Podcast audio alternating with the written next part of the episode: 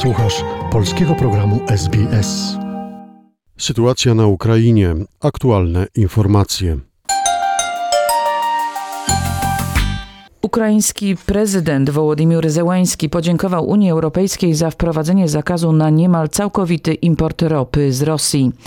W swoim przemówieniu na wideo Zełański powiedział, że decyzja Unii Europejskiej o ograniczeniu znaczącej większości importu rosyjskiej ropy oznacza, że Rosja nie będzie już w stanie finansować terroru na tym samym poziomie co dotychczas. Europejskie krajiny pogodziły Kraje europejskie zgodziły się na znaczne ograniczenie importu ropy z Rosji i jestem wdzięczny wszystkim, którzy pracowali nad osiągnięciem tego porozumienia.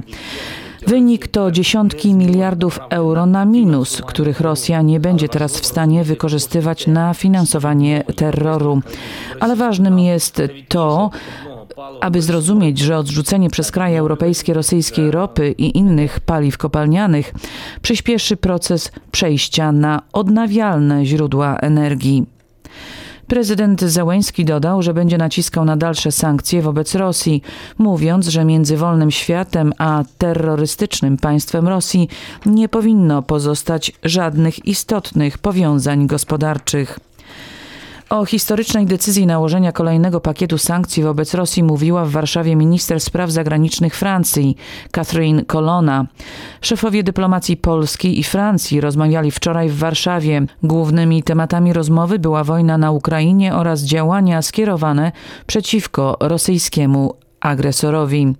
Polski minister spraw zagranicznych Zbigniew Rau powiedział: Jesteśmy jednak sojusznikami i pragnę, aby nasza współpraca polityczna i osobiste relacje z panią minister Koloną przyczyniły się do zwiększenia i pogłębienia naszych relacji gospodarczych, a przede wszystkim do jak najlepszego rozumienia polskiej racji stanu we Francji i francuskiej racji stanu w Polsce. Szef polskiego MSZ-u dodał, że teraz najważniejszą rzeczą jest kwestia kandydatury Ukrainy do Unii Europejskiej.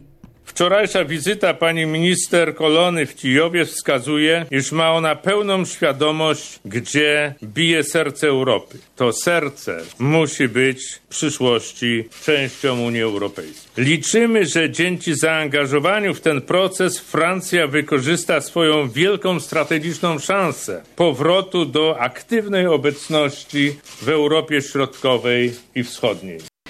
W trakcie tego spotkania szefowie dyplomacji Polski i Francji poruszyli także kwestie zbliżającego się szczytu NATO w Madrycie oraz tematy z zakresu współpracy dwustronnej i w ramach Trójkąta Weimarskiego.